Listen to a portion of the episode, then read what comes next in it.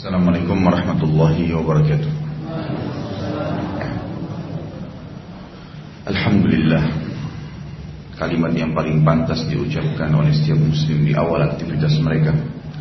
Karena terlalu banyak nikmatnya Allah yang tidak terhitung kepada kita. Bisanya mata mengambil dan menyerap cahaya sehingga masih bisa melihat. Bisanya hidung masih bisa membedakan mana bau wangi dan busuk serta menghirup udara bisanya lisan dan mulut mengucapkan kalimat. Bisanya kuping menampung suara sehingga masih bisa mentahu, mengetahui ini suara besar atau kecil. Bisanya hati menampung mengambil membedakan mana yang baik dan mana yang buruk. Maka sangat pantas setiap manusia mengucapkan puji syukur kehadirat Allah Subhanahu wa taala dalam segala kegiatannya. Alhamdulillah. Thumma as-salatu was-salamu ala habibina wa rasulina Muhammadin kama sallallahu wa malaikati alaihi adada khalqihi wa ridha nafsihi wa zinata arshihi wa midada kalimatihi mil'u as-samawati wa mil'u al-ardi mil'u ma syi'ta min syai'in ba'd. Yang kedua, langsung setelah memuji Allah Subhanahu wa taala adalah mengucapkan dan mengaturkan salawat dan taslim yang tidak kunjung ada batasnya untuk nabi kita, kekasih kita, panduan kita Muhammad sallallahu alaihi wasallam. Sebagaimana Allah pencipta langit dan bumi juga para malaikat yang memberikan salam kepada beliau. Sebanyak jumlah makhluknya sebanyak perhiasan singgasananya Allah seluas kalimat-kalimatnya Allah. Dan semoga saja itu semua yang memberikan berkah dalam majlis kita ini karena Nabi SAW telah bersabda kullu amrin la yubda'u bismillahi fahuwa aqta' semua perkara kegiatan yang dimulai dengan tidak membaca bismillah memuji Allah atau dengan nama Allah maka akan terputus dari rahmat juga dalam hadis yang lain Nabi Shallallahu Alaihi Wasallam mengatakan, "Kullu du'ain mahjubun lam ma lam yuzkaru fihi salatu aliyya." Setiap doa itu pasti masih terhijab, tidak diterima oleh Allah Subhanahu wa taala sampai diucapkannya salawat untukku. Maka makanya setiap ulama atau semua ulama menitiberatkan harusnya seorang muslim setiap aktivitas mungkin ibu-ibu mau masak memulai aktivitas sehari-hari, mau keluar rumah, mau apa saja, bapak-bapak juga memulai pekerjaan, selalu memulai dengan Alhamdulillah, wassalatu wassalamu ala rasulillah, dan itu yang paling ringkas, agar mudah diamalkan dan diajarkan kepada anak-anak kita. Pagi ini insya Allah kita akan masuk ke Perang Uhud, dan ini terjadi tahun 3 Hijriah. Serta kita akan mulai dengan izin Allah sebab terjadinya perang Uhud dulu. Terakhir saya sudah jelaskan pada pertemuan yang lalu setelah Nabi Shallallahu Alaihi Wasallam pulang dari Badr, kemudian kasus terakhir sempat mengepung dan memerangi suku Kainuqa Yahudi yang telah membuat masalah dengan beberapa sahabat Nabi yang akhirnya dikepung oleh Nabi Shallallahu Alaihi Wasallam karena mereka sempat membunuh seorang sahabat dan tidak mau menyerahkan siapa yang membunuhnya. Sehingga Nabi Shallallahu Alaihi Wasallam mengepung sampai akhirnya dikeluarkan dari kota Madinah dan sudah saya jelaskan panjang lebar bagaimana ceritanya. Sekarang kita masuk ke sebab perang Uhud. Sebab perang Uhud ini ahli sejarah menyebutkan ada dua sebab utama terjadi. Yang pertama adalah dan ini yang hampir semua buku sejarah menyebutkan kekalahan Quraisy di Badr. Jadi pada saat perang Badr mereka keluar dengan seribu pasukan, sementara berhadapan dengan kaum muslimin yang hanya 314 orang, dan itu tersebar di seluruh jazirah Arab serta di awal-awal sebelum peperangan tersebar berita bahwasanya orang-orang Quraisy lah yang pasti menang. Karena memang secara kuantiti, secara jumlah, kuantitas memang lebih banyak seribu dibandingkan 300 dan tidak mungkin secara akal manusia sebenarnya 300 mengalahkan yang seribu. Tapi nyata di lapangan, fakta di lapangan membuktikan bahwasanya memang kaum muslimin menang. Dan yang luar biasa tokoh-tokoh Quraisy yang sangat banyak ya, seperti Abu Jahal, Umayyah bin Khalaf itu mereka semua mati dan terbunuh di perang Badr. Maka Abu Sufyan pun sempat marah kepada orang-orang Quraisy karena Abu Sufyan kalau Anda masih ingat kisahnya waktu itu yang memimpin kafilah yang akhirnya meminta tolong ke Mekah karena tahu kalau Nabi Shallallahu Alaihi Wasallam keluar dari Madinah akan menyerang kafilahnya dengan 314 orang menyurat ke Mekah. Lalu orang-orang Mekah Abu Jahal ya Abu Lahab kemudian Umayyah bin Khalaf semuanya itu menyusun pasukan untuk membela kafilah pada saat kafilah Abu Sufyan telah selamat dari kejaran Nabi Shallallahu Alaihi Wasallam dan pasukan Quraisy juga sudah tiba di wilayah Badr, ya. maka Abu Sufyan sempat menyuruh Abu Jahal dan timnya, ya, pasukannya kembali ke Mekah. Gak usah berperang dengan Muhammad karena sudah selamat kafilah ini. Tapi ternyata dengan izin Allah, dengan takdir Allah, Allah inginkan sesuatu sebagaimana pernah kita jelaskan di awal perang Badar. Memang ada rahasia di situ yang Allah inginkan. Ya, Allah Subhanahu Wa Taala ingin terjadi perang Badar.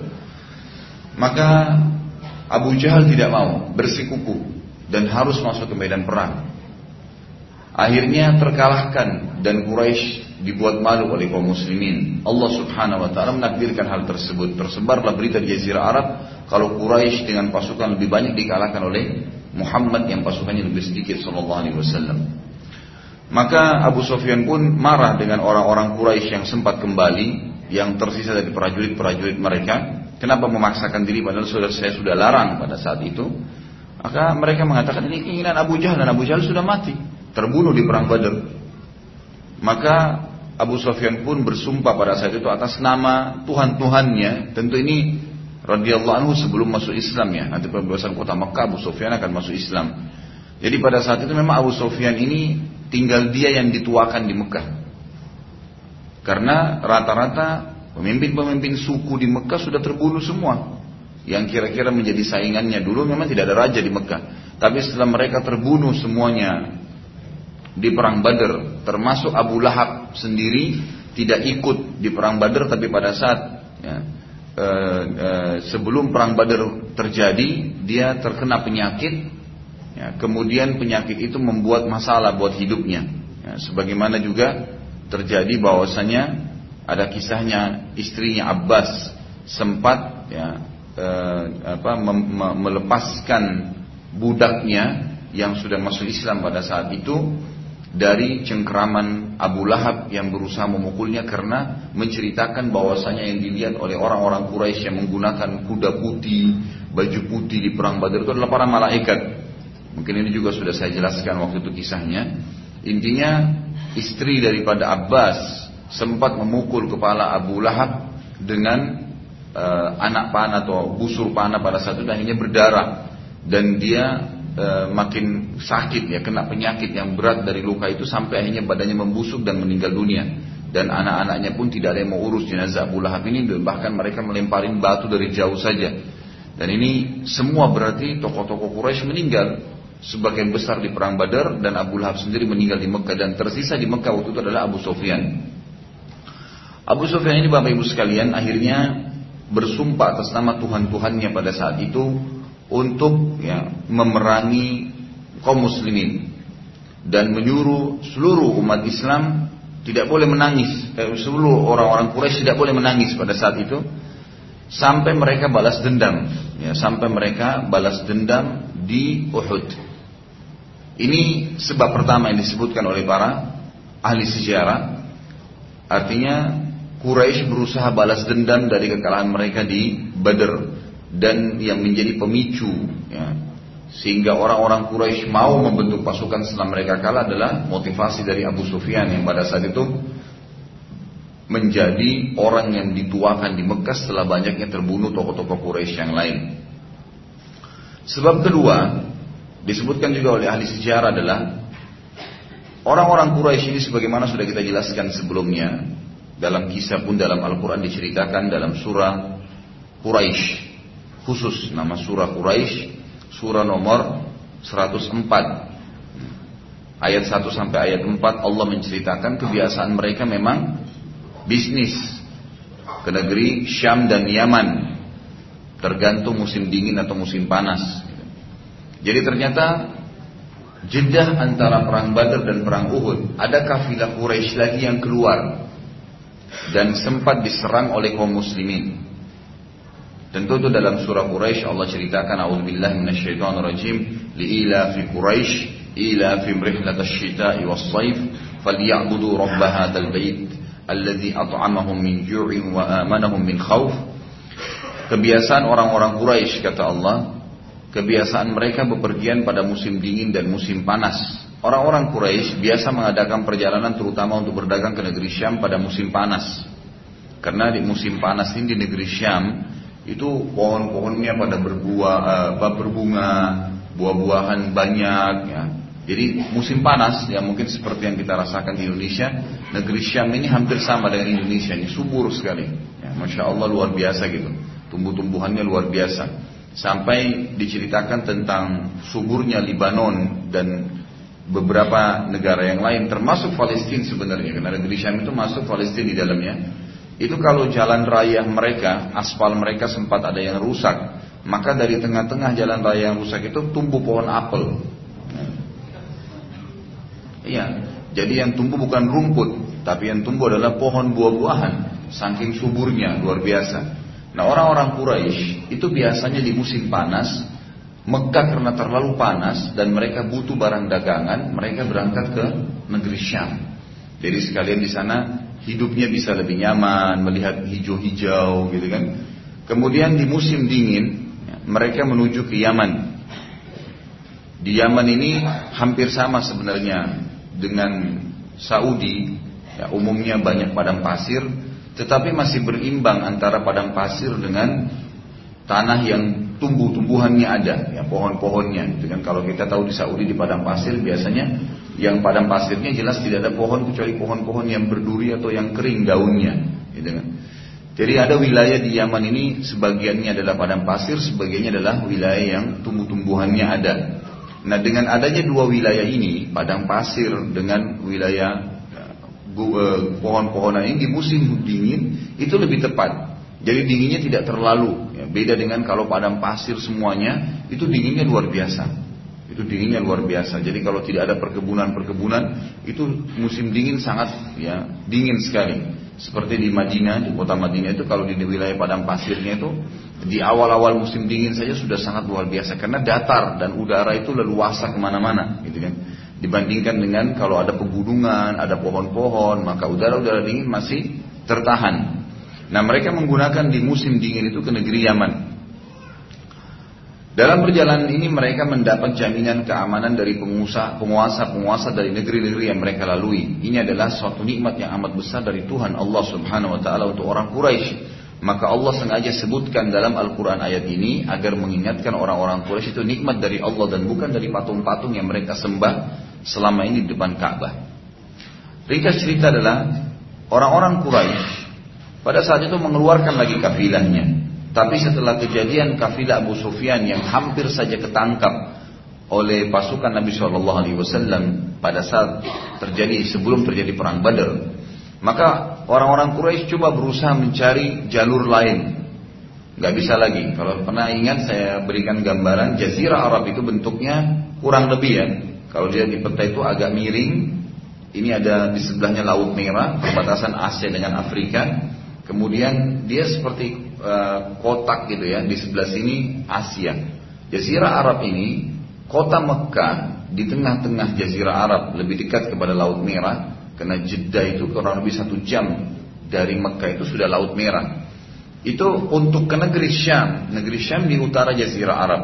Harus lewatin Madinah waktu itu, nggak ada jalur lain. Harus lewati mana? Jadi kafilah dari Mekah kalau mau ke negeri Syam belanja di musim tadi panas itu pasti dilihat oleh orang-orang Madinah. Karena jalurnya cuma itu, nggak ada jalur lain. Ya, mereka masih belum bisa membuat jalan lain pada saat itu. Maka otomatis setiap kafilah lewat pasti orang-orang Madinah kaum muslimin waktu itu tahu. Nah akhirnya Abu Sufyan dan beberapa orang-orang Quraisy berpikir untuk mengalihkan jalur bisnis karena mereka tidak bisa berhenti itu. Kalau berhenti maka Mekah akan kosong dari barang-barang dagangan.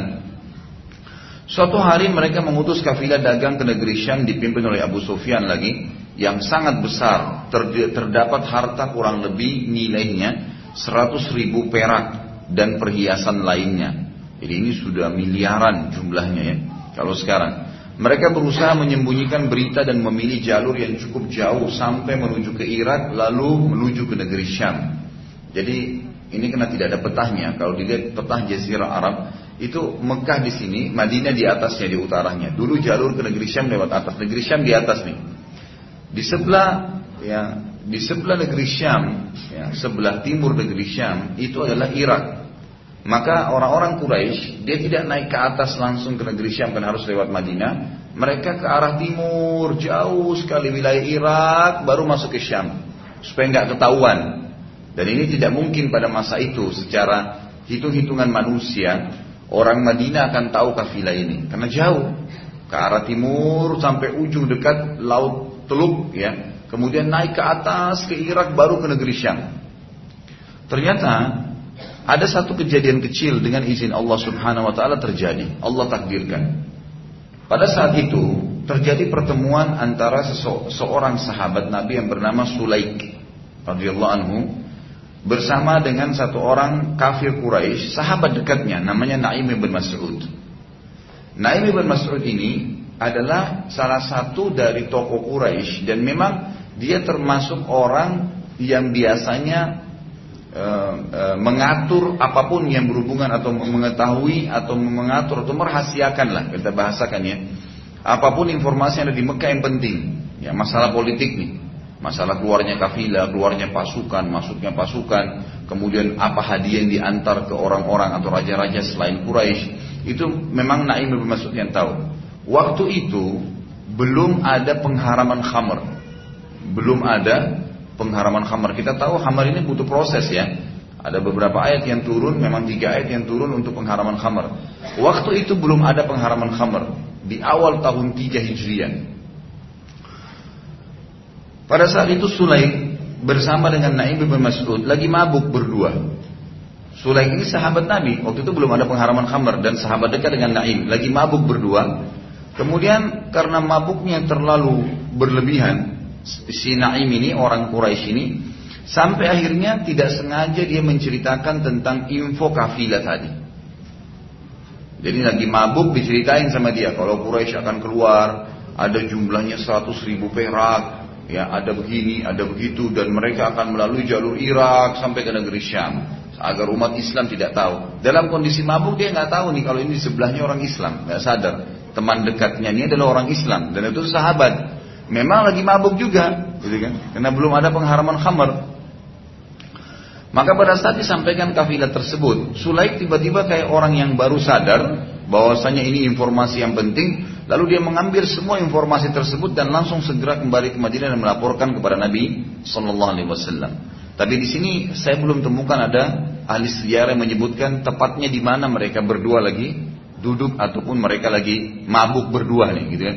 Intinya waktu Sulaik radhiyallahu anhu tahu, beliau kembali ke Madinah lalu menyampaikannya Rasulullah, si Naim bin Mas'ud, ini bukan orang Quraisy biasa, memang dia yang suka, memang dia yang tahu semua informasi politiknya Mekah. Ini memberitakan ada kafilah yang akan keluar dipimpin Abu Sufyan dan jumlahnya cukup banyak. Gitu kan. Perlu juga saya ingatkan kembali jemaah sekalian rahimun rahimakumullah. Sebab daripada Nabi Shallallahu Alaihi Wasallam sering menyerang kafilah Quraisy. Sebab utamanya Bukan karena ingin merampas begitu saja harta orang, bukan. Sebab utamanya karena orang-orang Quraisy pada saat Nabi Shallallahu Alaihi Wasallam dan para sahabat hijrah ke Madinah, rumah-rumah para kaum muslimin, harta-harta mereka, pakaiannya, kudanya, pokoknya apa saja, semua diambil oleh orang Quraisy. Dan pada saat itu yang bisa yang masih bernilai dikumpul oleh orang Quraisy lalu dibawa dalam karavan atau dalam kafilah ini dibawa ke negeri Syam lalu dijadikan duit lalu dijadikan uang untuk memerangi kaum muslimin. Jadi ternyata orang-orang Quraisy mengambil harta kaum muslimin untuk memerangi muslimin sendiri. Jadi ini sebab utama kenapa Nabi Shallallahu Alaihi Wasallam sering menyerang kafilah mereka. Bukan karena ingin mengambil ya, ini butuh diketahui karena nanti orang pikir kaum muslim ini suka merampok berarti, gitu kan? Ini bukan masalah merampok karena memang orang-orang Quraisy telah mengambil sekali lagi harta kaum muslimin, dijadikan duit, kemudian duit itu dipakai untuk beli kekuatan eh, memperkuat pendidikan mereka lalu menyerang Madinah. Termasuk ya pada saat eh, kafilah Abu Sufyan yang pertama pergi ke negeri Syam yang tadi menjadi penyebab perang Badar yang lalu kita jelaskan itu ya, waktu saat mereka bawa pulang mungkin banyak sekali belum pernah ada kafilah Quraisy sebesar itu. Ternyata yang paling banyak menjadi uang pada saat itu adalah harta kaum muslimin. Makanya Nabi SAW berusaha menyerang mereka, gitu kan? Karena ingin mengambil kembali harta kaum muslimin dari para sahabat muhajirin dan juga sekaligus memberhentikan mereka karena kalau tidak mereka akan terus menggunakan harta-harta dari kafilah itu agar ya, memerangi kaum muslimin. Sisi yang lain, Nabi SAW juga ingin menunjukkan kekuatan kaum muslimin. Kalau terjadi peperangan ya sudah, terjadi peperangan sebagaimana kita nanti ketahui. Akhirnya Nabi SAW membentuk Sariyah. Sariyah sudah saya jelaskan, ya, itu tiga orang ke atas kalau ditugaskan khusus oleh Nabi SAW diistilahkan Sariyah. Syariah ini dipimpin oleh Zaid bin Haritha radhiyallahu anhu. Ini anak angkatnya Nabi Shallallahu Alaihi Wasallam tentunya sudah pernah juga saya jelaskan. Syariah tersebut berhasil merebut kafilah, sementara Abu Sufyan dan masyarakat Mekah sama sekali tidak menyangka penyerangan tersebut. Abu Sufyan dengan pengawal kafilah berhasil melarikan diri kembali ke Mekah.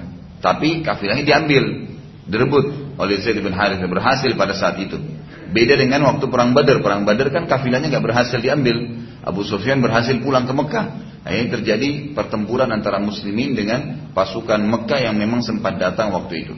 Tapi di sini tidak. Abu Sufyan sempat kembali ke Mekah dengan pengawal-pengawalnya meninggalkan harta tersebut dan kaum muslimin mengambilnya serta membawa ke Madinah.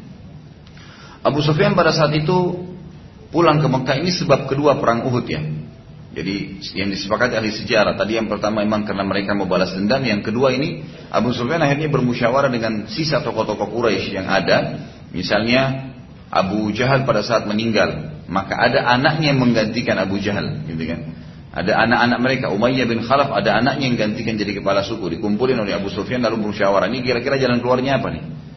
Selalu jadi masalah Selalu kafilah kita akan direbut oleh kaum muslimin. Ini saja kita putar dengan jalur yang jauh mereka bisa rebut, apalagi lalu jalur mana lagi? Artinya kedua jalur utama ini dan yang baru dibuat ini sudah ketahuan sekarang. Mereka akan terus lakukan. Kira-kira apa solusinya? Akhirnya setelah musyawarah, Abu Sofyan pun mengambil keputusan pada saat yang tertua di Mekah untuk menyerang kota Madinah. Menyerang kota Madinah. Jadi bukan lagi mengubah jalur bisnis bukan lagi mengajak damai tapi memang membentuk pasukan yang besar untuk sekalian menyerang kota Madinah. Keputusan final ini pun akhirnya disepakati oleh masyarakat Mekah karena memang mereka merasa terancam ekonominya. Kalau enggak maka mereka tidak akan punya dagangan lagi.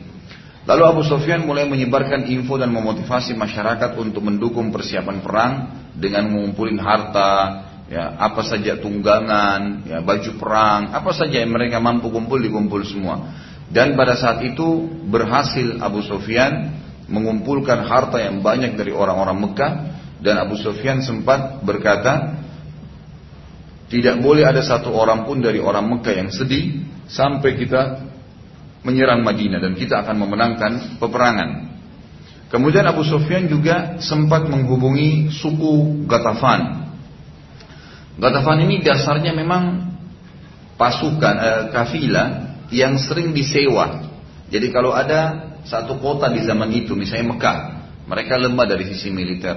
Mereka bisa mendatangi suku Gatafan, sepakat, kami akan bayar kalian sekian, nanti kalian menggunakan kekuatan militer kalian untuk membela kami. Jadi mereka memang perang sama musuh-musuh orang Quraisy ini. Pasukannya banyak. Ini Gatafan ini bisa mencapai jumlahnya nanti e, di zaman perang-perang yang terakhir berbahasa kota Mekah itu bisa sampai 100 ribu orang. Tapi pada saat itu yang diikutkan bersama dengan orang-orang Quraisy dan Abu Sufyan berikut penduduk Mekah adalah 3000 orang. Adalah 3000 orang. Jadi jumlah ini sangat besar sebenarnya karena Mekah belum pernah memiliki pasukan sebesar ini. Ini artinya prajurit perang ya, bukan umumnya orang yang partisipasi. Agak beda pembentukan pasukan orang-orang kafir dengan para kaum muslimin. Kalau misalnya umat Islam nih butuh perang, jihad, maka diiklankan di masjid. Nabi SAW iklankan di masjid dan ini tradisi kita mungkin sampai hari kiamat kalau terjadi seperti sama, sama halnya. Cuma mengatakan jihad, siapa saja ya bapak-bapak bisa daftar. Mau punya keterampilan tidak ya ikut aja, gitu kan? Untuk mencari fadilah jihad. Nah ini sangat mudah sebenarnya bagi kaum muslimin untuk mengumpulkan pasukan. Nanti mereka tinggal dilatih. Kalau orang-orang kafir nggak bisa. Orang kafir itu tidak ada yang mau ikut perang kecuali memang orang yang punya keterampilan militer. Dan memang mereka ditunggu dijanjikan gaji sekian banyak baru mau. Gitu kan? Jadi itu memang dari sisi pembentukan pasukan sudah berbeda antara kaum muslimin dengan orang-orang kafir. Jadi jumlah 3000 ini artinya 3000 semuanya personil perang. Memang punya keterampilan, bukan orang umum dikumpulin seperti muslimin, nggak tahu pegang pedang pun disuruh ikut gitu kan. Ini enggak, memang mereka ahli perang 3000 ini. Makanya ahli sejarah mengatakan Mekah sendiri belum pernah menyaksikan pasukan sebesar itu semuanya memang militan, ya, semuanya memang ahli perang. Kemudian pada saat berita tersebut, pasukan tersebut keluar menuju ke Madinah, ini tidak main-main ya, mau menyerang Madinah. Dan perlu juga saya garis bawahi, Uhud itu pada saat zaman Nabi Shallallahu Alaihi Wasallam yang sekarang kalau bapak ibu lagi ziarah kota Madinah, Uhud itu sudah masuk di seluruh wilayah Madinah kan. Zaman itu memang Uhud di dalam Madinah di wilayah haram ya istilahnya. Tetapi e, sebelum Uhud di dekat Masjid Nabawi. Jadi antara Uhud sama Masjid Nabawi itu kurang lebih 7 km jaraknya. Nah, antara pintu gerbang Madinah dengan Uhud itu dekat sekali. Itu cuma sekitar 4 km kurang lebih 4 atau 3 km saja jaraknya antara pintu gerbang Madinah dengan Gunung Uhud. Makanya nanti kita lihat waktu pasukan Quraisy sampai di wilayah Uhud, artinya sudah sampai di depan pintu gerbang kota Madinah. Karena dekat sekali, gitu kan? Karena dekat sekali. Pada saat informasi tersebut sampai kepada Nabi Shallallahu Alaihi Wasallam, maka Nabi pun Shallallahu Alaihi Wasallam bermusyawarah dengan para sahabat. Kira-kira bagaimana ini pendapat kalian? Maka para sahabat ada yang mengatakan seperti Hamzah radhiyallahu anhu, beliau mengatakan wahai Rasulnya Allah, tidak usah kita tunggu mereka tiba di Madinah. Keluar aja. Kita keluar juga sekarang, mereka keluar. Di mana Allah pertemukan, di situ kita perang. Hadapin aja. Untuk apa kita takut? Kalau kita nggak keluar, nanti kita dianggap pengecut. Ada sahabat lain dari Ansar bernama Anas bin Nadar radhiyallahu anhu yang kebetulan pada saat di perang Badar Kan waktu perang Badar kalau Bapak masih ingat yang 314 pasukan itu agak beda dengan perang Uhud ya. Perang Uhud ini memang diiklankan ini mau jihad, ini mau perang. Waktu perang uh, perang Badar bukan diiklankan untuk menyerang karavannya atau kafilahnya Quraisy. Jadi beda ya. Ini akan berperang melawan pasukan, ini ini hanya kafilah. Makanya waktu keluar dari Madinah ke, ke Badar itu tidak niat mau berperang jihad, niatnya mau menyerang karavan saja. Biasanya umumnya kalau karavan itu atau kafilah diserang pasti mereka bubar, lari karena takut lihat jumlah yang banyak dari prajurit-prajurit atau pasukan musuh yang datang gitu kan. Ini beda ya. Pada saat mereka keluar dari Madinah itu banyak sahabat yang tidak ikut karena dikasih opsi pilihan oleh Nabi. Ya mau silakan ikut, yang nggak mau nggak apa-apa. Ada satu sahabat dari Ansar namanya Anas bin Nadhr radhiyallahu anhu yang kebetulan tidak sempat hadir di Badr dan beliau ini punya jiwa perang yang sangat kuat, besar sekali, semangat sekali. Waktu beliau mendengarkan ternyata Nabi SAW dan kaum muslimin perang di Badar dan tersebar satu jazirah Arab, kalau muslimin sangat kuat dan menang, dia mengatakan, peperangan pertama Nabi SAW di Badar, aku tidak hadir. Demi Allah, bila setelah hari ini ada peperangan Nabi SAW dengan Quraisy, maka aku akan melakukan sesuatu yang membuat Allah Azza wa Jal ridho. Artinya, aku tidak akan lagi tidak akan lagi tinggal di Madinah. Aku akan ikut dan aku akan terus berperang sampai aku mati syahid atau menang. Gitu kan? Jadi Anas bin Nadr ini memberikan jawabannya begitu. Waktu sahabat lagi bermusyawarah dengan Nabi Shallallahu Alaihi Wasallam, Anas bin Nadr ini langsung ya dengan semangat mengatakan ya Rasulullah tunjuk saja di mana lokasi mereka kita keluar. Anda tunjuk di mana kita harus melawan mereka, kita keluar. Dan saya termasuk orang yang akan di depan pasukan ya Rasulullah. Pada saat itu, sahabat banyak sekali yang memohon kepada Nabi SAW untuk keluar. Lebih banyak untuk keluar daripada tidak keluar. Sementara Nabi Shallallahu Alaihi Wasallam niat sebenarnya lebih cenderung untuk bertahan di kota Madinah. Perlu juga kita tahu, Nabi Shallallahu Alaihi Wasallam ingin bertahan di kota Madinah ini ada alasannya. Kata para ulama, ada alasannya. Sebagaimana disebutkan dalam banyak riwayat yang sahih. Para sahabat berkata, Ya Rasulullah, kira-kira apa yang membuat pertimbangan anda mau bertahan di Madinah? Maka Nabi Shallallahu Alaihi Wasallam berkata, semalam aku sempat mimpi Lalu para sahabat mengatakan, anda mimpi apa ya Rasulullah? Kata Nabi SAW, aku melihat seekor sapi disembeli dalam mimpiku. Aku juga melihat pada pedangku terdapat kebengkokan. Dan aku juga melihat aku masuk dan berlindung dalam baju perang yang kokoh. Lalu para sahabat berkata, lalu menurut anda ya Rasulullah, apa penakwilannya, apa takwilnya mimpi itu? Maka kata Nabi SAW, aku menakwilkan sapi yang disembeli adalah sahabatku yang terbunuh.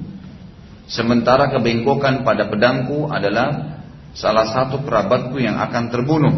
Dan aku masuk ke dalam baju perang yang kokoh, aku takwilkan kota Madinah. Jadi ini takwil mimpi ya. Dan dari hadis ini juga, dari kisah ini juga diambil pelajaran oleh para ulama, termasuk Muhammad bin Sirin, rahimahullah salah satu ulama tabiin yang menyusun buku khusus masalah takwil mimpi. Juga diambil daripada kisah Yusuf alaihissalam di mana Allah swt menceritakan tentang keterampilan dan kemujizatan Yusuf alaihissalam bisa menakwil mimpi. Maka banyak ulama di antaranya Hasan Basri, Muhammad bin Sirin, Sa'id bin Musayyib, Atha bin Abi Rabah, banyak ulama-ulama tabi'in yang akhirnya terjun di bidang ini, ya, terjun di bidang. Jadi kalau ada yang butuh takwil maka ditakwilkan sama dia dan mereka menghubungkan antara mimpi tersebut dengan dalil-dalil yang ada, dalil-dalil yang ada. Mungkin saya pernah sebutkan bagaimana Hasan Basri rahimahullah pernah kedatangan dua orang, dua-duanya mendengarkan azan. Yang satu dengar azan, yang satu lagi dengar azan. Tolong takwilkan. Kata Hasan Basri, baiklah berikan saya waktu dua tiga hari baru saya berikan jawaban. Sementara eh, sementara berjalan dua tiga hari tersebut, Hasan Basri melihat keadaan dua orang ini. Yang satu ternyata terkenal suka mencuri dan yang satu ternyata ya suka ke masjid setiap azan langsung ke masjid. Maka pada saat keduanya datang di hari yang sama di hari ketiga Hasan Basri berkata kepada yang suka mencuri, kamu akan mencuri tahun ini dan tanganmu akan dipotong. Sesuai dengan firman Allah Subhanahu wa taala di dalam surah Yusuf, wa adzana muadzinun ayyatuhal iru innakum la innakum lasarikun. Dan adzana muadzin dipanggil, azan itu kan panggilan.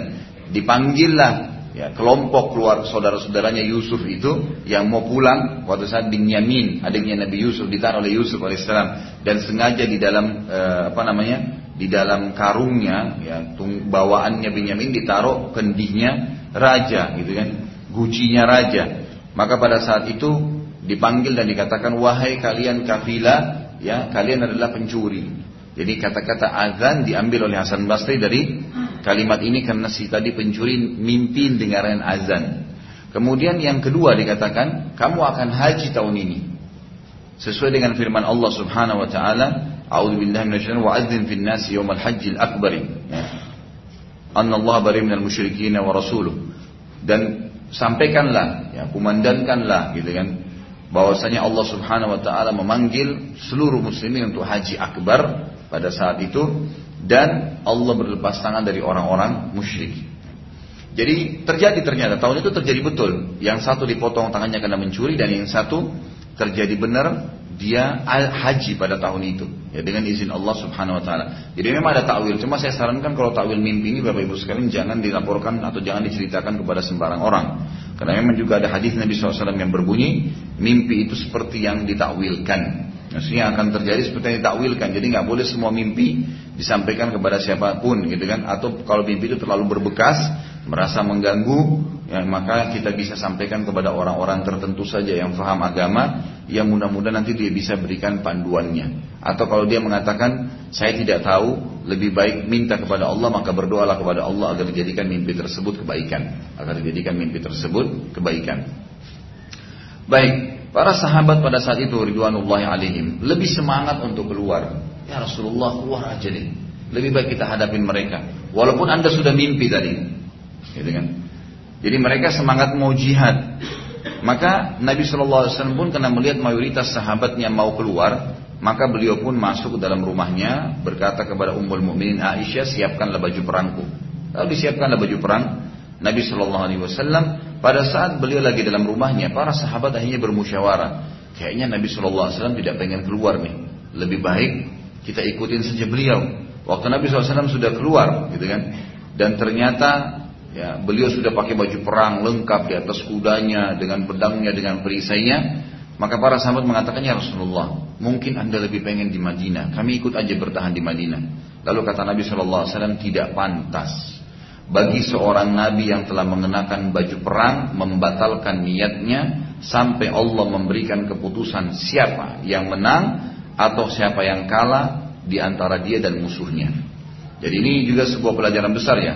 Seorang muslim itu harus punya tekad kalau sudah niat mengerjakan satu perbuatan dan itu baik, tidak usah diikuti dengan keraguan. Kata Allah SWT, "Fa azamta fatawakkal Allah." Kalau sudah azam, mau keluar, tidak usah bimbang, jalanin aja sudah, Bismillah, gitu kan. Jadi nggak usah ragu, sebenarnya tawakal kepada Allah Subhanahu Wa Taala. Ini harus kita ketahui bahwasanya ini sebuah prinsip dasar dalam masalah agama kita. Dan juga jangan pernah melepaskan diri kita dari doa pada Allah SWT. Bergantunglah, merengeklah dengan Allah SWT dan itu hal yang sangat dianjurkan. Banyak kaum muslimin mau mau berdoa kepada Allah kalau hal-hal yang dianggap perlu saja. Sekarang Bapak Ibu berpikir gak kalau mau beli mobil minta sama Allah mobil. Mau mobil mewah bilang ya Allah berikan saya mobil mewah. Banyak orang tidak berpikir itu. Mau beli rumah ya Allah belikan saya rumah itu. Kenapa anda tidak ucapkan itu kepada Allah? Akhirnya kita hanya menggantungkan diri kita kepada Allah. Kalau dokter sudah mentok nggak bisa obatin lagi, ya Allah sembuhin. Kenapa nggak dari awal sama Allah? Supaya Allah tuntun ke dokter yang pas, beli obatnya sembuh. Tapi kita enggak, nanti sudah kepepet, nanti kalau sudah darurat baru minta kepada Allah. Ini salah.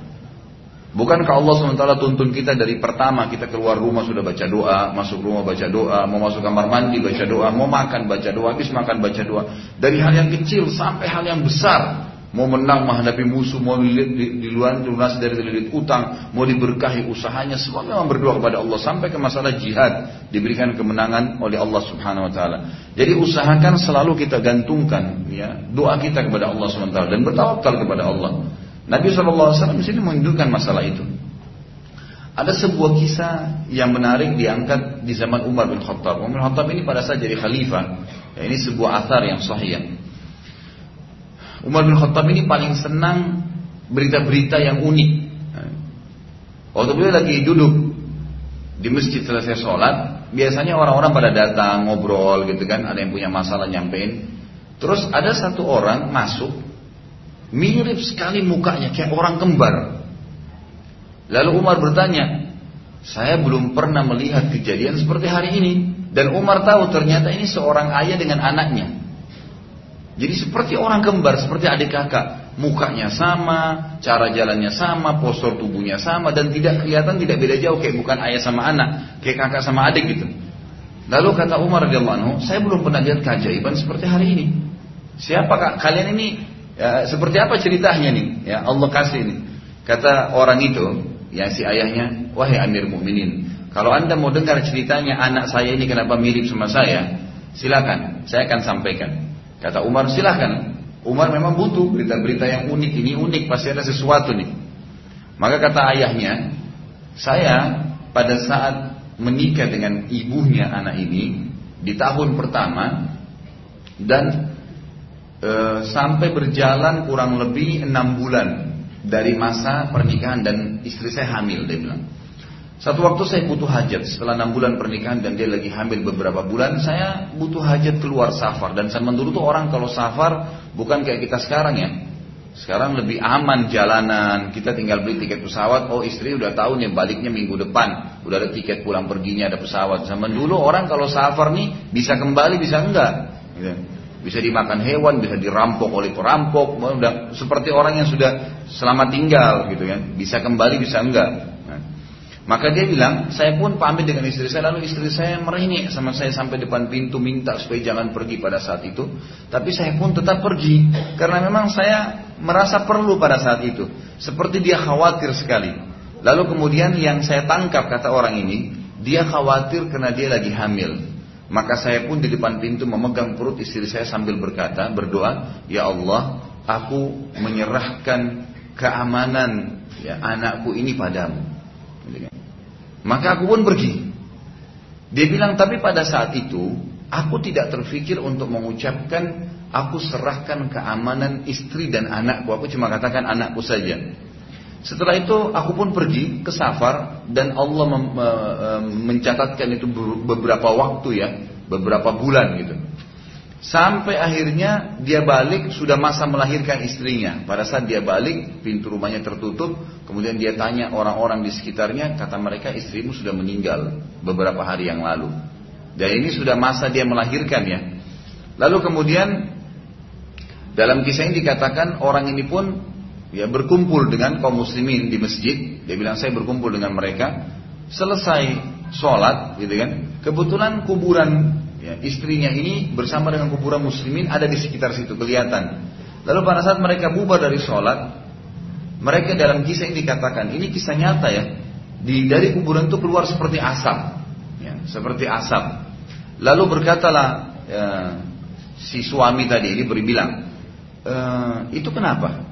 Kok bisa keluar asap seperti itu? Kata orang-orang yang sekitar dia, ya kami lihat semenjak kami kuburkan istrimu, selalu begini. Dari dua minggu yang lalu istrimu mati ini, setiap malam selalu begini. Maka si suaminya berkatakan, demi Allah saya tidak tahu istri saya kecuali kebaikan. Saya tahu, saya kenal betul siapa istri saya. Tiap tiap masa puasa dia puasa, tiap malam sholat tahajud, nggak pernah berbohong, selalu jujur, baik sekali istri saya ini. Ini sudah luar biasa ibadahnya. Nggak mungkin ini tanda keburukan. Lalu dia bilang, saya pun wahai Amir Mukminin menuju ke kuburan istri saya bersama dengan sepupu-sepupu saya, lalu saya menggali kuburan itu. Saya menggali untuk mencari tahu ada apa sebenarnya, kenapa kok seperti ini. Dia bilang pada saat saya gali Amir Mu'minin, saya temukan ya di ujung kaki, ya maksudnya di tempat rahimnya istrinya ini, saya temukan anak ini. Anak ini dalam kondisi hidup, dalam kondisi hidup. Ya, jadi ada pada saat itu di situ. Jadi pada saat itu digali menemukan jadi ibunya jadi jenazah, tapi di rahimnya jadi ternyata melahirkan gitu kan. Dengan hikmah Allah Subhanahu wa taala.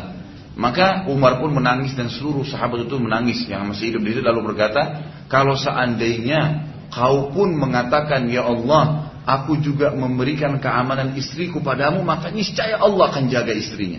Gitu kan? Jadi karena dia ucapin doa tadi pegang perut istrinya ya Allah, aku serahkan keamanan anakku ini padamu. Maka Allah Subhanahu begitu. Sampai dikatakan pada saat itu terdengar suara ya kemungkinan dari salah satu yang hadir, wahai fulan, Inilah hasil daripada doamu. Inilah hasil daripada doamu. Jadi orang tidak boleh melepaskan diri dari doa. Harus biasakan diri menggantungkan nasib dengan Allah Subhanahu wa taala. Dan semoga Allah Subhanahu wa taala selalu menjaga terutama keamanan iman kita ini. Dan Islam kita supaya kita meninggal dalam keadaan iman dan Islam. Dan selalulah Bapak Ibu sekalian berdoa dalam keadaan apa pun. Setiap ada apa pun berikan kesempatan. Jalan ya Allah mudahin jalan saya. Ya Allah saya mau beli pakaian itu mudahkan saya dapatkan. Apa saja hubungkan dengan doa. Dan itu sudah pahala ibadah kepada Allah Subhanahu wa taala Nabi Shallallahu Alaihi Wasallam pada saat itu sudah bertekad dan tidak ragu lagi. Akhirnya keluarlah Nabi Shallallahu Alaihi Wasallam dengan para sahabat dari pintu gerbang Madinah. Dan Uhud kelihatan, ya Uhud kelihatan karena jaraknya sangat dekat. Saat tiba di wilayah Uhud, Nabi Shallallahu Alaihi Wasallam berkata kepada para sahabat, tunjukkan ya pada saya di mana jalan yang dapat menjadikan gunung Uhud di belakang dan sisi kanan kaum muslimin agar bisa berlindung supaya Uhud ini ada di sebelah belakang pasukan Islam pas di di depannya Gunung Uhud dan di sebelah kanannya masih ada Uhud juga. Dengan di mana kira-kira lokasi itu? Karena Madinah ada di sebelah kiri nanti kaum muslimin. Jadi supaya orang-orang Quraisy tidak berpikir menyerang Madinah maka mereka fokus melawan pasukan yang ada. Ya, jadi dijadikan Uhud di belakangnya bentengnya dan melengkung. Jadi memang Uhud itu kan agak besar ya jadi ada tempat lokasi yang Nabi SAW ingin yang Uhud di belakang dan sebelah kanan. Sehingga Madinah terjadi di sebelah kiri kaum muslimin. Sementara musuh tadi sudah niat ya, untuk memasuki kota Madinah dan menyerang Madinah. Akhirnya kaum muslimin pun memikirkan dan mendapatkan jalan. Pada hari Sabtu, Nabi Shallallahu Alaihi Wasallam keluar dari Madinah dan beliau tidak ingin musuh yang memilih tempat di lokasi peperangan sehingga mereka leluasa mengatur penyerangan terhadap muslimin. Inilah sebabnya mengapa Nabi Shallallahu Alaihi Wasallam meminta agar ditunjukkan tempat tadi yang yang saya sebutkan. Saat akan menuju ke lokasi tersebut, pasukan muslimin harus melewati kebun-kebun kurma. Jadi untuk menjadikan Uhud di belakang dan sisi kanan kaum muslimin itu tidak bisa keluar dari pintu gerbang terus terang-terangan lewatin lapangan-lapangan kosong karena pasti akan dilihat oleh orang Quraisy. Orang Quraisy itu sudah tiba di wilayah Uhud ya, sudah di sekitar Uhud. Jadi Nabi SAW mutar cari jalan keluar bagaimana bisa tadi di posisi ini. Maka tidak ada jalan lain kecuali ya Nabi SAW dan kaum muslimin melewati kebun-kebun kurma yang ada di sekitar Gunung Uhud. Dan sampai sekarang kita lihat di sekitar Uhud itu penuh dengan perkebunan kurma ya. Memang di situ banyak kebun-kebun kurma. Termasuk salah satu yang paling strategis di situ, ya, untuk dilewati oleh kaum muslimin agar sampai ke sana. Karena kalau lewat depan pasti langsung perang dengan kafir Quraisy. Nabi SAW tidak ingin itu. Ada satu kebun orang munafik dan orang munafik ini sangat musuh dengan Islam. Namanya uh, Rubai ibn Kaidi yang matanya pada saat itu buta. Saat Nabi SAW menyuruh para sahabat pamit pada Rubai, ya, Rubai pun menolak mengatakan kalian pasti akan merusak kebunku. Lalu ia menolak. Para sahabat sempat akan menyerangnya karena sekarang ini bukan lagi bukan lagi masalah izin atau tidak izin sebenarnya, tapi itu adab dalam Islam ya. Ini pasukan muslimin harus lewat dan memang tidak ada niat untuk merusak kebun-kebun itu, apalagi pohon kurma kita tahu tidak rusak dengan kuda gitu kan. Tapi memang dasarnya dia nggak mau, dia tahan kaum muslimin.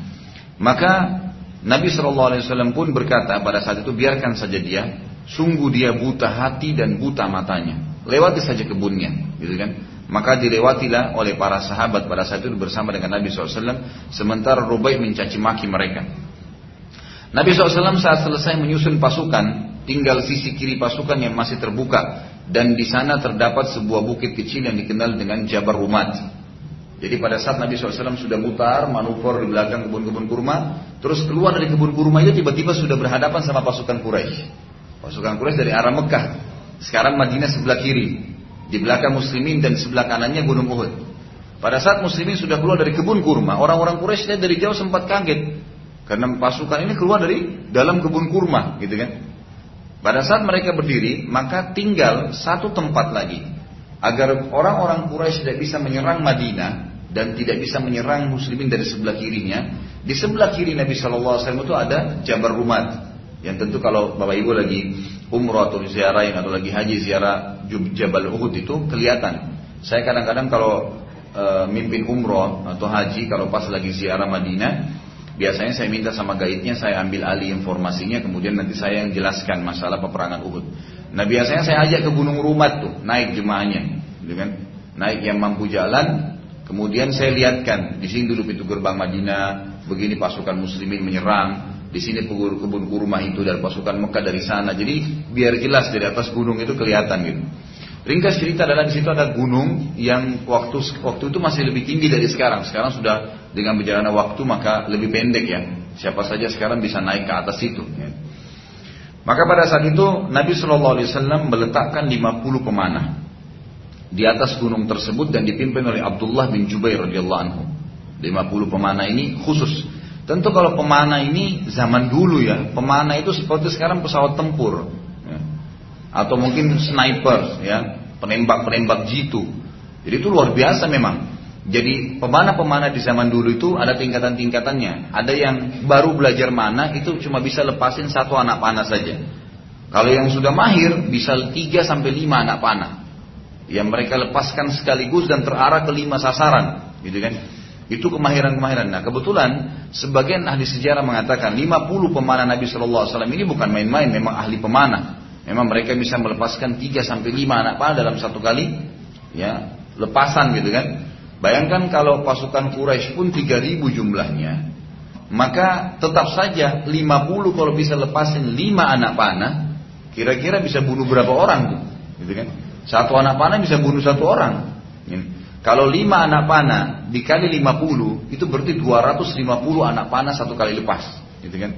Kalau dua ratus lima puluh ini anggap bunuh sepuluh persennya, lima orang aja sekali lempar anak panah, itu banyak sekali yang terbunuh, gitu kan?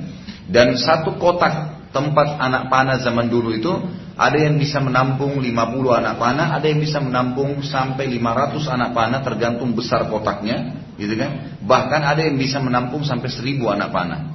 Nah, tergantung kotak besar yang dipikul di punggung mereka, gitu kan? Jadi seperti itulah. Pasukan yang paling berpengaruh dari kaum muslimin adalah para pemanah tadi yang 50 itu. Karena memang mereka lah yang akan menghadang orang-orang Quraisy menyerang Madinah karena pintu gerbang tadi di sebelah mereka atau manuver menyerang pasukan mujahidin dari sisi kirinya. Sisi kanan sudah ada gunung, sisi belakang sudah ada gunung. Tinggal berhadapan sama musuh di depan. Dan juga mereka punya tugas utama adalah menyerang, bukan cuma menahan mereka menyerang Madinah atau manuver, menyerang juga dengan anak-anak panah mereka ke orang-orang Quraisy yang 3000 orang tadi. Saudaraku sekalian, pasukan muslimin pada saat itu jumlahnya awalnya seribu awalnya seribu. Tapi ada 300 dari orang-orang munafik yang sengaja ikut keluar. Ya.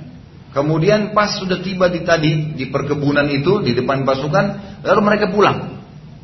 Sengaja mereka begitu untuk mematahkan semangat pasukan Islam. Ini 3000 orang dihadapi tadinya sudah 1000 yang keluar nih.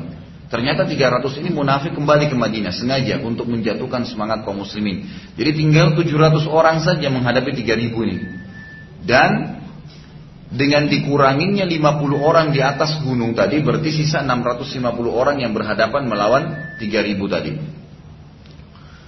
Saat pasukan muslimin sudah siap, terjadi kasus yang cukup besar dan berpengaruh di tengah-tengah pasukan muslimin. Ternyata jumlah 1000 orang sahabat tadi itu keluar 300 dari mereka orang-orang munafik yang dipimpin oleh pimpinan mereka Ubaidillah bin Abdullah bin Salul yang ini tentu jelas turun banyak ayat Al-Quran tentang dia yang Nabi SAW dilarang mulai semenjak itu mensolati bahkan mendoakan mereka di kuburannya dianggap mereka kafir kepada Allah mengajak orang-orang munafik sengaja keluar dari Madinah kemudian mereka setelah terbentuk pasukan setelah diatur Nabi SAW baru mereka keluar enggak kami enggak mau gitu kan kami enggak mau ikut Lalu kembali ke 300 tersebut. Gitu, gitu. Ini 300 ini berarti sepertiganya. Yang. Karena kan 1000 kurang lebih sepertiga dari pasukan keluar. Pada saat yang bersamaan terdapat juga dua suku dari Ansar dari mukminin yang ikut-ikutan balik ke Madinah karena terpengaruh dengan 300 yang balik. Jadi 300 orang orang munafik ini tidak semuanya sahabat faham kalau ini orang-orang munafik. Pada saat terbentuk pasukan, 300 orang ini cukup besar, sepertiga pasukan pulang ke Madinah. Jadi ada juga sahabat-sahabat yang sempat terpengaruh. Ini kembali lebih baik kembali daripada di sini, gitu kan? Daripada ikut dengan perang. Maka pada saat itu ada suku Salama dan suku Harith. Dua ini mereka akhirnya pulang bersama orang-orang munafik, tapi sempat dikejar oleh Abdullah bin Haram, Abu Jabir radhiyallahu anhu sahabat Nabi yang mulia dan menjelaskan kepada mereka bahwasanya ini orang-orang munafik yang balik. Ngapain kalian ikut-ikutan? Kalau kalian kembali, kalian akan kehilangan kesempatan mendapatkan fadilah perang bersama Nabi Shallallahu Alaihi Wasallam dan mendapatkan tidak mendapatkan harta rampasan perang kalau menang dan juga kalau pada saat ya kalah itu sebuah fadilah kalau mati mati syahid. Ngapain kalian kembali? Akhirnya dengan izin Allah dua suku ini kembali dan sebagian ahli sejarah menyebutkan kemungkinan jumlah mereka itu mencapai 200 orang, gitu kan? Jadi kalau mereka tadi berhasil betul kembali ke Madinah, maka sangat sedikit jumlah muslimin tinggal 500. Tapi dengan hikmah Allah akhirnya kembali lagi. Allah Azza wa menceritakan tentang masalah dua kelompok tadi. Ya. Dijelaskan dalam surah Al-Imran urutan 3 ayat 122. A'udzu billahi minasyaitonir rajim. Idh hammat ta'ifatan minkum an tafshara wallahu waliyuhuma wa 'alallahi falyatawakkalul mu'minun. Ketika dua golongan daripadamu ingin mundur karena takut, padahal Allah adalah penolong bagi kedua golongan itu. Karena itu hendaklah kepada Allah saja orang-orang mukmin bertawakal. Maksudnya adalah Bani Salamah dari suku Khazraj dan Bani Haritha dari suku Aus. Ya. Keduanya dari barisan kaum muslimin dan akhirnya mereka kembali. Jabir bin Abdullah radhiyallahu anhu menanggapi ayat tersebut di atas seraya berkata, "Aku tidak menyesal karena kami dikalahkan di Uhud, karena Allah Azza wa telah berfirman, sementara Allah lah wali kalian. Jadi nanti di perang Uhud kan kita lihat akan ada terjadi kekalahan untuk muslimin. Ya di fase kedua, fase pertama mereka menang. Tapi Jabir bin Abdullah radhiyallahu anhu sempat berkata, Kami tidak sedih pada saat kami dikalahkan di Uhud karena memang itu adalah kekeliruan para pemanah nantinya. Tetapi kami sangat karena kami sangat senang pada saat Allah menurunkan ayat tentang ya e, Badr tentang Uhud ini yang dikatakan wallahu waliyuhuma. Sesungguhnya dua kelompok orang beriman tadi, dua suku Bani Salaman dan Bani Harith yang mau kembali ke Madinah dan yang masih bertahan di medan perang, Allah menyebutkan dua kelompok mukminin dan Allah lah wali mereka. Dia bilang saya lebih senang Ya, kalimat ini diucapkan oleh Allah daripada memikirkan masalah kekalahan karena Allah tetap mengatakan kami Allah lah wali kami. Allah Azza pada saat itu menjanjikan bila sahabat bersabar di perang Uhud dan patuh perintah Nabi Shallallahu Alaihi Wasallam, Allah akan berikan bantuan juga 3000 malaikat. Ya. Bahkan bisa bila, bila bila mereka disiplin maka Allah akan berikan sampai 5000 malaikat. Jadi mereka ditemani malaikat berperang asal mereka patuh. Tidak boleh ada satupun yang melanggar, gitu kan? Dan ini sebuah hal yang kita harus ketahui ya. Kalau misalnya dalam komunitas, satu komunitas, misalnya komplek perumahan, komunitas tempat kerja, ada satu dua orang dari sepuluh yang kerja ada satu dua orang ahli maksiat. Ini nggak boleh didiamin nih, karena kalau didiamin, ini seperti buah busuk yang ada di buah-buah yang segar, pasti bisa menyebar virusnya. Di sini ulama mengambil pelajaran mengatakan bahwasanya dari dari dari apa yang kita akan bahas ini, ternyata ada beberapa sahabat dari ahli perang yang tadi pemanah itu diwasiatkan oleh Nabi Shallallahu Alaihi Wasallam, jangan tinggalkan gunung atau jabar umat nih. Kalian inti peperangan. Kami menang atau kami kalah, tetap di situ. Nggak boleh pindah, gitu kan? Nanti kita lihat ternyata dari 50 sahabat itu ada 43 yang nanti turun. Ada alasan mereka turun. Mereka bukan niat mau berkhianat kepada Nabi SAW, bukan niat berkhianat. Mereka salah tangkap instruksi itu. Mereka pikir cuman kalau pada saat menang, eh pada saat apa namanya, tidak boleh turun pada saat kalah. Kalau pada saat menang gak ada masalah turun, gitu kan? Akhirnya mereka sempat turun dari gunung Rumat. Nanti akan saya jelaskan itu. Yang jelas Allah Subhanahu wa taala menjelaskan kepada kita dalam Al-Qur'an surah Imran tentang kisah-kisah Uhud ini. Al Imran urutan 3 ayat 123 sampai 125. Jadi ada tiga ayat di sini. A'udzubillahi minasyaitonirrajim. Wa laqad nasarakumullahu bi badrin wa antum adillah fattaqullaha la'allakum tashkurun. إذ تقول للمؤمنين ألن يكفيكم أن يمدكم ربكم بثلاثة آلاف من الملائكة منزلين بلى إن تصبروا وتتقوا ويأتوكم من فور من فورهم هذا يمددكم ربكم بخمسة آلاف من الملائكة مسومين jadi ini janji Allah akan turun malaikat membantu mereka asal mereka mematuhi Nabi Shallallahu Alaihi Wasallam. Kata Allah dalam surah Nimran tadi ayat 123-nya, sungguh Allah telah menolong kalian di perang Badr, padahal kalian pada saat itu jumlahnya sedikit dan sangat lemah. Karena itu bertakwalah kepada Allah agar kalian dapat mensyukurinya. Jadi tidak usah khawatir tentang masalah jumlah kalian, tidak usah khawatir Ubaidillah bin Abdullah bin Salul dari keluar dari pasukan orang-orang munafik, tidak ada masalah semua itu, nggak usah pikirin. Karena Allah sudah memberikan kemenangan pada kalian pada saat perang Badar. Sementara kalian sedikit dan tidak ada niat perang. Itu sudah niat perang dengan perlengkapan perang semuanya. Jadi lebih hebat daripada kasus Badar sebenarnya. Apa yang kalian takuti? Ingatlah kata Allah di ayat 124 ketika kamu mengatakan kepada orang-orang beriman hai Muhammad, apakah tidak cukup bagi kalian kalau Allah akan membantu kalian dengan 3000 malaikat yang diturunkan dari langit bila kalian benar-benar sabar, gitu kan, patuh dalam perang ini. Dan jika kalian bersabar dan bersiaga, tetap baik, patuh dalam peperangan, komitmen mempertahankan Islam ini, dan mereka datang menyerang kalian dengan seketika itu juga niscaya Allah akan menolong kalian dengan 5000 malaikat yang akan memberikan tanda. Jadi ini jelas sekali ya ajaran dari Nabi sallallahu janji dari Nabi SAW. Dari pasukan Quraisy perlu juga diketahui terdapat 200 personil, 200 orang khusus yang menunggangi kuda yang saat itu dipimpin oleh Khalid bin Walid. Tentu nanti masuk Islam radhiyallahu anhu nanti. Tapi ini sebelum masuk Islam dan memang dia e, kepala militer ya, pasukan Mekah. Mereka tidak ikut berperang, tapi mereka tugasnya hanya memantau dari kejauhan dan melihat kesempatan-kesempatan di mana mereka bisa menyerang muslimin terutama 50 pemanah. Terutama 50 pemanah yang telah diletakkan di atas gunung kena kelihatan oleh orang-orang Quraisy ketahuan, gitu kan? Baik sekarang kita masuk ke motivasi Nabi Shallallahu Alaihi Wasallam pada saat akan terjadi perang. Dan ini termasuk dianjurkan pemimpin muslim pada saat mau memimpin perang ya mengucapkan kalimat-kalimat motivasi agar memang orang-orang pada semangat mau berperang gitu kan. Dalam pasukan muslimin terdapat anak-anak kecil yang ikut ingin ikut berperang dari dalam kota Madinah dan sempat tiba di medan perang. Maka Nabi SAW memilah mereka. Ada yang boleh ikut, ada yang tidak layak ikut. Di antara anak-anak yang ditolak oleh Nabi SAW adalah Abdullah bin Umar dan Usama bin Zaid radhiyallahu anhu. Jadi pada saat itu umurnya masih 12 tahun. Ikut berperang, mau ikut berperang anak kecil. Tapi Nabi SAW ya larang mereka ikut. Namun terdapat anak-anak yang diikutkan karena keterampilan mereka. Jadi berarti dibolehkan dalam Islam anak-anak boleh ikut kalau punya keterampilan perang, nggak ada masalah mereka ikut. Di antara kisahnya adalah terdapat seorang anak kecil yang berumur 13 tahun. Saat melihat Abdullah bin Umar dan Usama bin Zaid ditolak, ia berkata, "Wahai Rasulullah, aku mahir dalam memanah." Jadi dia tidak mau ditolak seperti dua temannya, dia mau dia ditunjuk ikut berperang, gitu kan?